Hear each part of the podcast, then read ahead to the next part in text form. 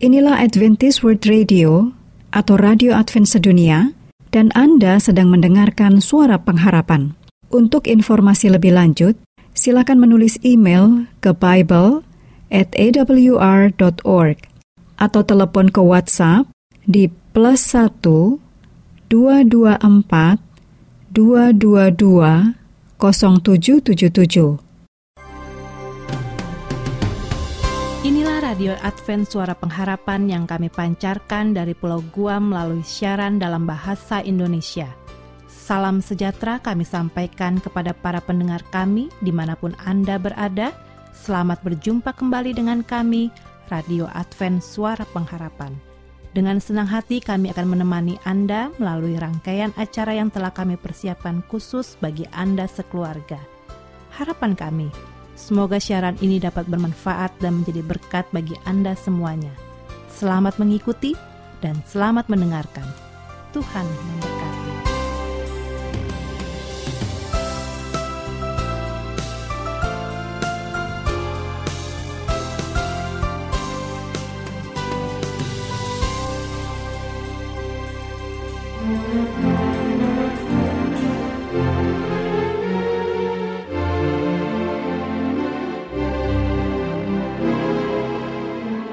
Saudara pendengar yang setia Radio Advent Suara Pengharapan.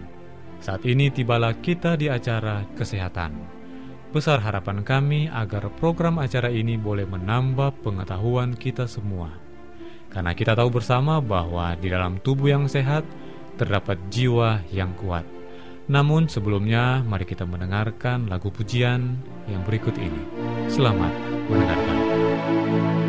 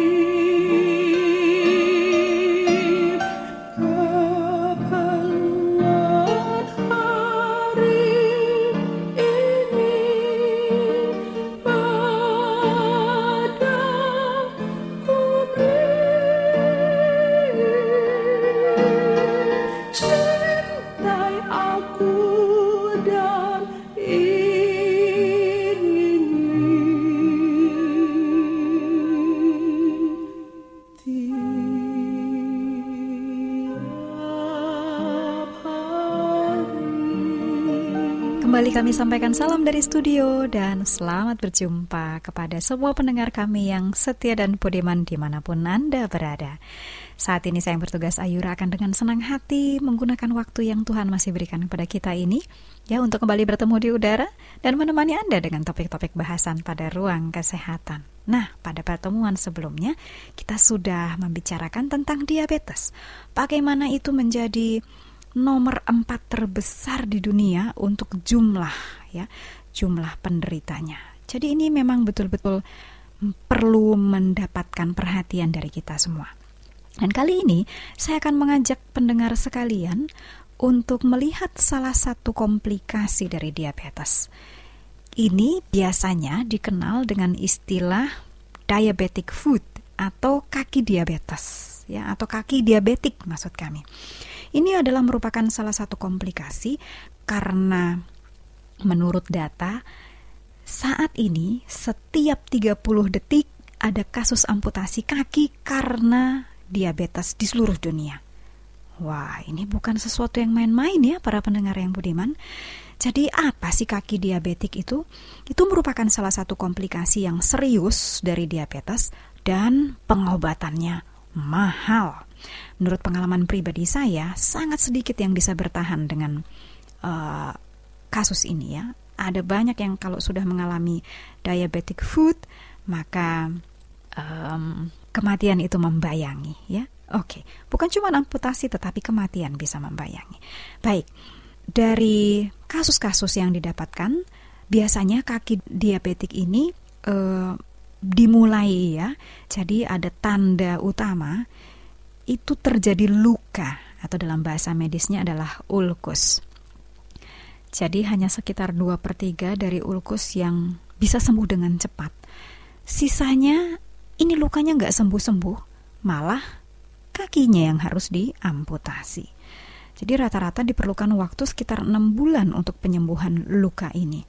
Dan sangat sedikit ya yang bisa bertahan untuk kembali sembuh. Nah, jadi baik luka maupun amputasi memiliki dampak yang besar pada kualitas hidup penyandang diabetes.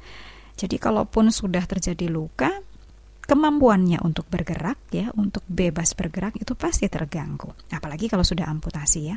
Belum lagi bisa terisolasi secara sosial dan tambahan lagi yang pasti dialami oleh setiap orang adalah menimbulkan stres psikologis. Kaki diabetik juga ini merupakan masalah ekonomi yang nyata karena mengingat penyandang diabetes dengan kaki diabetik umumnya membutuhkan perawatan yang lama, lalu membutuhkan perawatan rehabilitasi. Biayanya tidak sedikit para pendengar dan risiko amputasi itu tetap tinggi ya. Jadi ada pendapat dari Dr. Dr. Aris Wibudi sebagai ketua umum PBPD. Nah, jadi di Indonesia ini ada Perhimpunan Edukator Diabetes Indonesia ya. Jadi karena memang masyarakat ini perlu diberi uh, pengetahuan ya, perlu dididik bagaimana untuk mengenali lalu melakukan penanganan ya untuk komplikasi-komplikasi diabetes. Salah satunya adalah food diabetic atau kaki diabetik. Jadi Menurut Bapak Dr. Aris Wibudi, sebetulnya ada strategi yang ampuh untuk kaki diabetik ini, tetapi itu strateginya merupakan penggabungan dari beberapa hal. Apa saja? Yaitu upaya pencegahan. Lalu kalau sudah terjadi ulkus atau luka pada kaki, harus ada upaya perawatan. Kemudian digabungkan juga dengan penanganan medis yang sesuai digabungkan juga dengan kadar gula darah yang terkendali, digabungkan lagi dengan edukasi atau pemberian informasi ya atau pendidikan terhadap penyandang diabetes dan tenaga medis. Nah, bila hal-hal tersebut digabungkan, bisa menurunkan kemungkinan risiko amputasi sampai 85%. Wah, ini kan bukan angka yang sedikit ya para pendengar kemungkinan amputasi bisa dihambat sampai 85% bila ada upaya pencegahan yang sungguh-sungguh, lalu ada perawatan yang tepat kalau sudah terjadi luka pada kakinya, kemudian penanganan medisnya juga sesuai. Jadi memang betul-betul dimonitor dengan baik ya, bukan uh, sekali-sekali atau tidak teratur. Lalu kadar gula darahnya itu dikendalikan dengan baik untuk individu yang menderita diabetes dan ada edukasi kepada penderita diabetesnya, keluarganya, juga tenaga medisnya. Strategi ini akan membuat risiko amputasi turun sampai 85 persen. Memang sekarang yang menjadi pertanyaan buat kita semua adalah apakah kita sudah punya cukup informasi tentang diabetes ini. Oleh sebab itu, kami mengundang bersama terus ya dengan siaran kesehatan kami ini karena kami berusaha untuk menyampaikan kepada para pendengar semua informasi-informasi yang praktis yang kami harapkan boleh berguna. Nah, pada pertemuan yang selanjutnya, kita akan lanjutkan tentang apa saja yang perlu kita ketahui tentang diabetic foot atau kaki diabetik ini. Jadi, tanda-tandanya bisa kita kenali bagaimana uh, perawatannya secara sederhana ya atau yang praktis dan itu akan menolong supaya tidak perlu kehilangan kaki atau kakinya dicuri gara-gara diabetes. Baik, terima kasih untuk perhatian Anda. Sampai bertemu pada kesempatan berikutnya. Tuhan memberkati kita semua.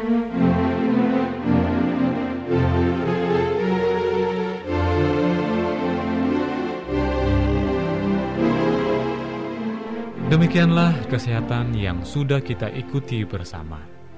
Semoga boleh bermanfaat bagi kita semua di dalam kehidupan kita. Dan saat ini kita harus mengakhiri program acara ini, tetapi kita akan bertemu lagi minggu depan di gelombang dan waktu yang sama. Tuhan memberkati kita semua.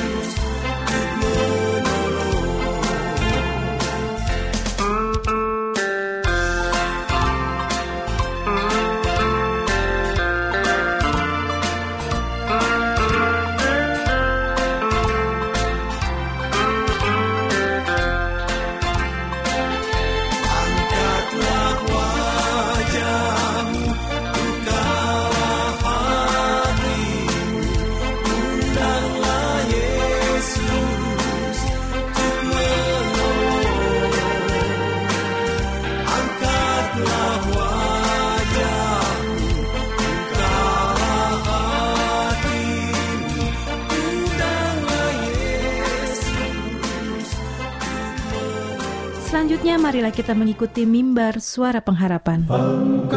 Diri dan Yesus mau datang segera. Nyanyi musafir dan pujikanlah Yesus mau datang segera. Inilah mimbar suara pengharapan dengan topik pembahasan apa yang terjadi bila Anda tidak menyukai diri sendiri. Selamat mendengarkan. Itu tandanya Yesus mau datang segera. Pengetahuan bertambah-tambah.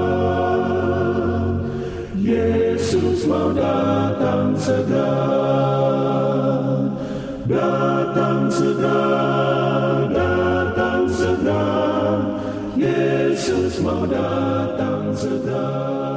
Salam saudaraku yang diberkati Tuhan, kita bersyukur saat ini diberikan kesempatan untuk mendengarkan firman Tuhan dalam pelajaran rumah tangga bersama saya Pendeta Toga Simanjuntak.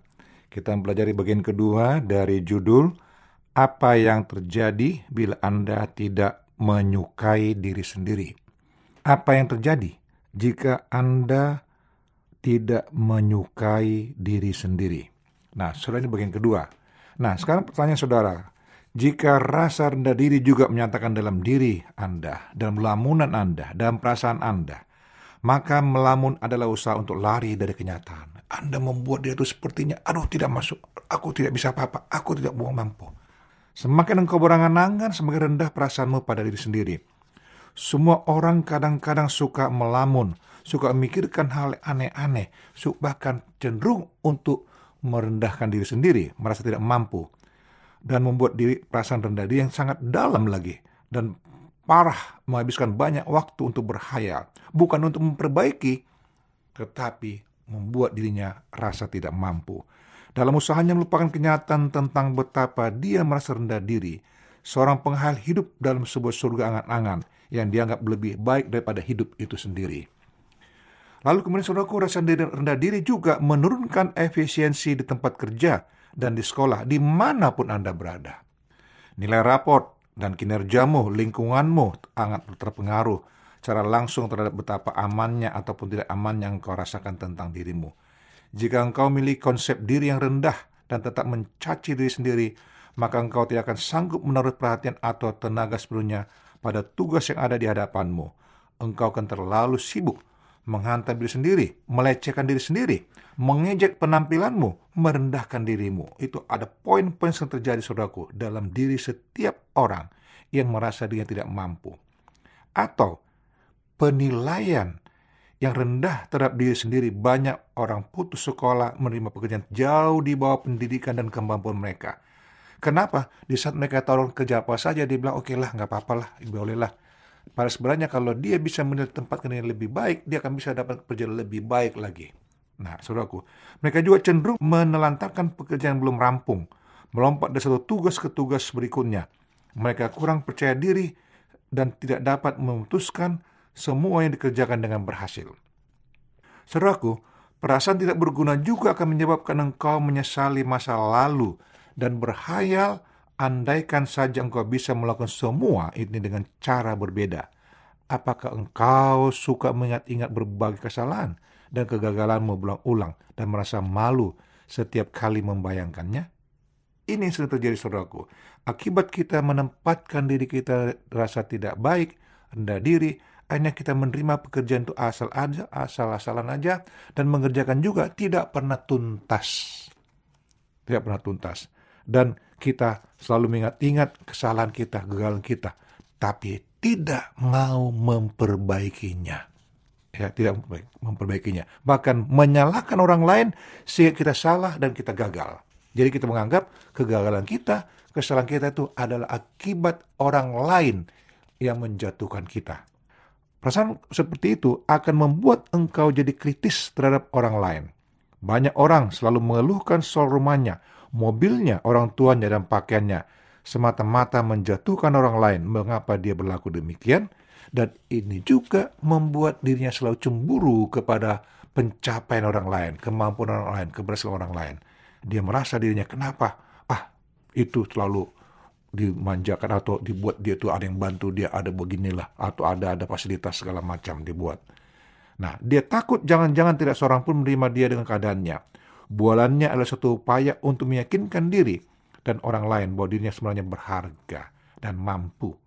Dengan mengecam orang lain dia dapat membuat diri tampak lebih baik, lebih sehat, lebih kuat, lebih tampilnya lebih berbeda Inilah akibatnya dia berusaha menjatuhkan, menjelekkan orang lain agar dia kelihatan lebih baik dari orang lain. Ini penyakit orang yang tidak pernah mau menghargai dirinya sendiri. Kritikan tidak mudah terima, Tetapi bagaimana engkau menerima kritikan membangun jika ju- menunjukkan bagaimana perasaanmu pada dirimu sendiri? Dapatkah engkau menerima dengan bersyukur? No, saudaraku. Sangat jauh bagi orang yang selalu tidak bisa menghargai diri sendiri untuk selalu mendapatkan dirinya dalam posisi mau bersyukur, mau ber- bersuka cita. Dia kelihatan selalu membuat dirinya itu seolah-olah tertindas atau diabaikan, ya. Dan wajahnya boleh katakan sangat jarang ceria, ya, sangat jarang ceria. Karena rasa bersyukur itu bikinnya tidak ada dalam kehidupannya. Karena dia tidak pernah merasakan kepuasan, keberhasilan dalam dirinya. Itu sangat berbahaya.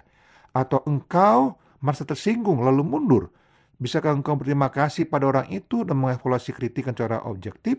Atau engkau menjadi marah dan melawan atas kritikan orang lain? Itu bisa terjadi.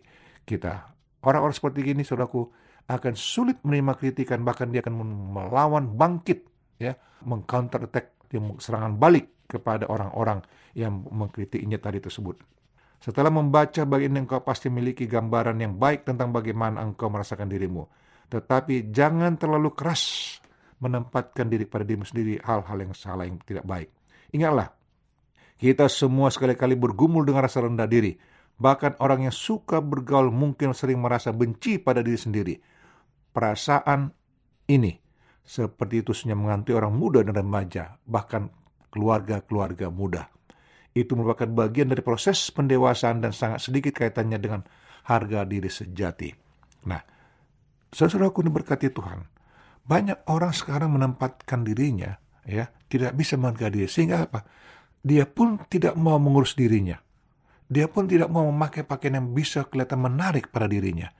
Ya, Alasannya apa? Gak punya uang, gak ada waktu ngurusnya. Ah sudahlah, toh aku dari pagi sampai sore cuma urus rumah saja. Ya, hati-hati saudaraku. Dampak yang terburuk bagi seorang tidak bisa yang tidak mau menyukai dirinya, tidak menghargai diri sendiri adalah apa? Dia seorang yang tidak akan merasa berat dalam hidup ini dan akan jatuh terpuruk dan bisa lama-lama dia mati mati karena sakit parah yang dibuat oleh pikirannya. Semoga saudara jangan demikian ya. Hargai dirimu dan selalu bangkitlah dalam setiap kesempatan. Jika saudara mau didoakan, hubungi kami tim pelayan mimbar suara pengharapan. Dengan penuh sukacita kami akan melayani dan mendoakan saudara. Inilah doa dan harapan kami. Amin.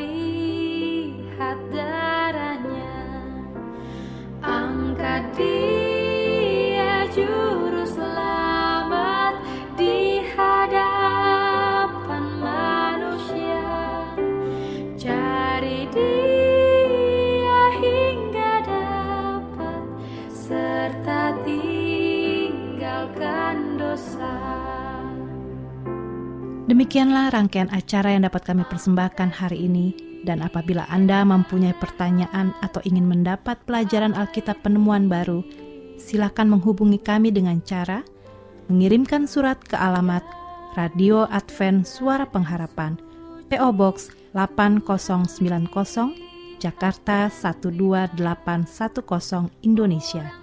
Telepon 0821 1061 1595. Alamat email awrindonesia@yahoo.co.id.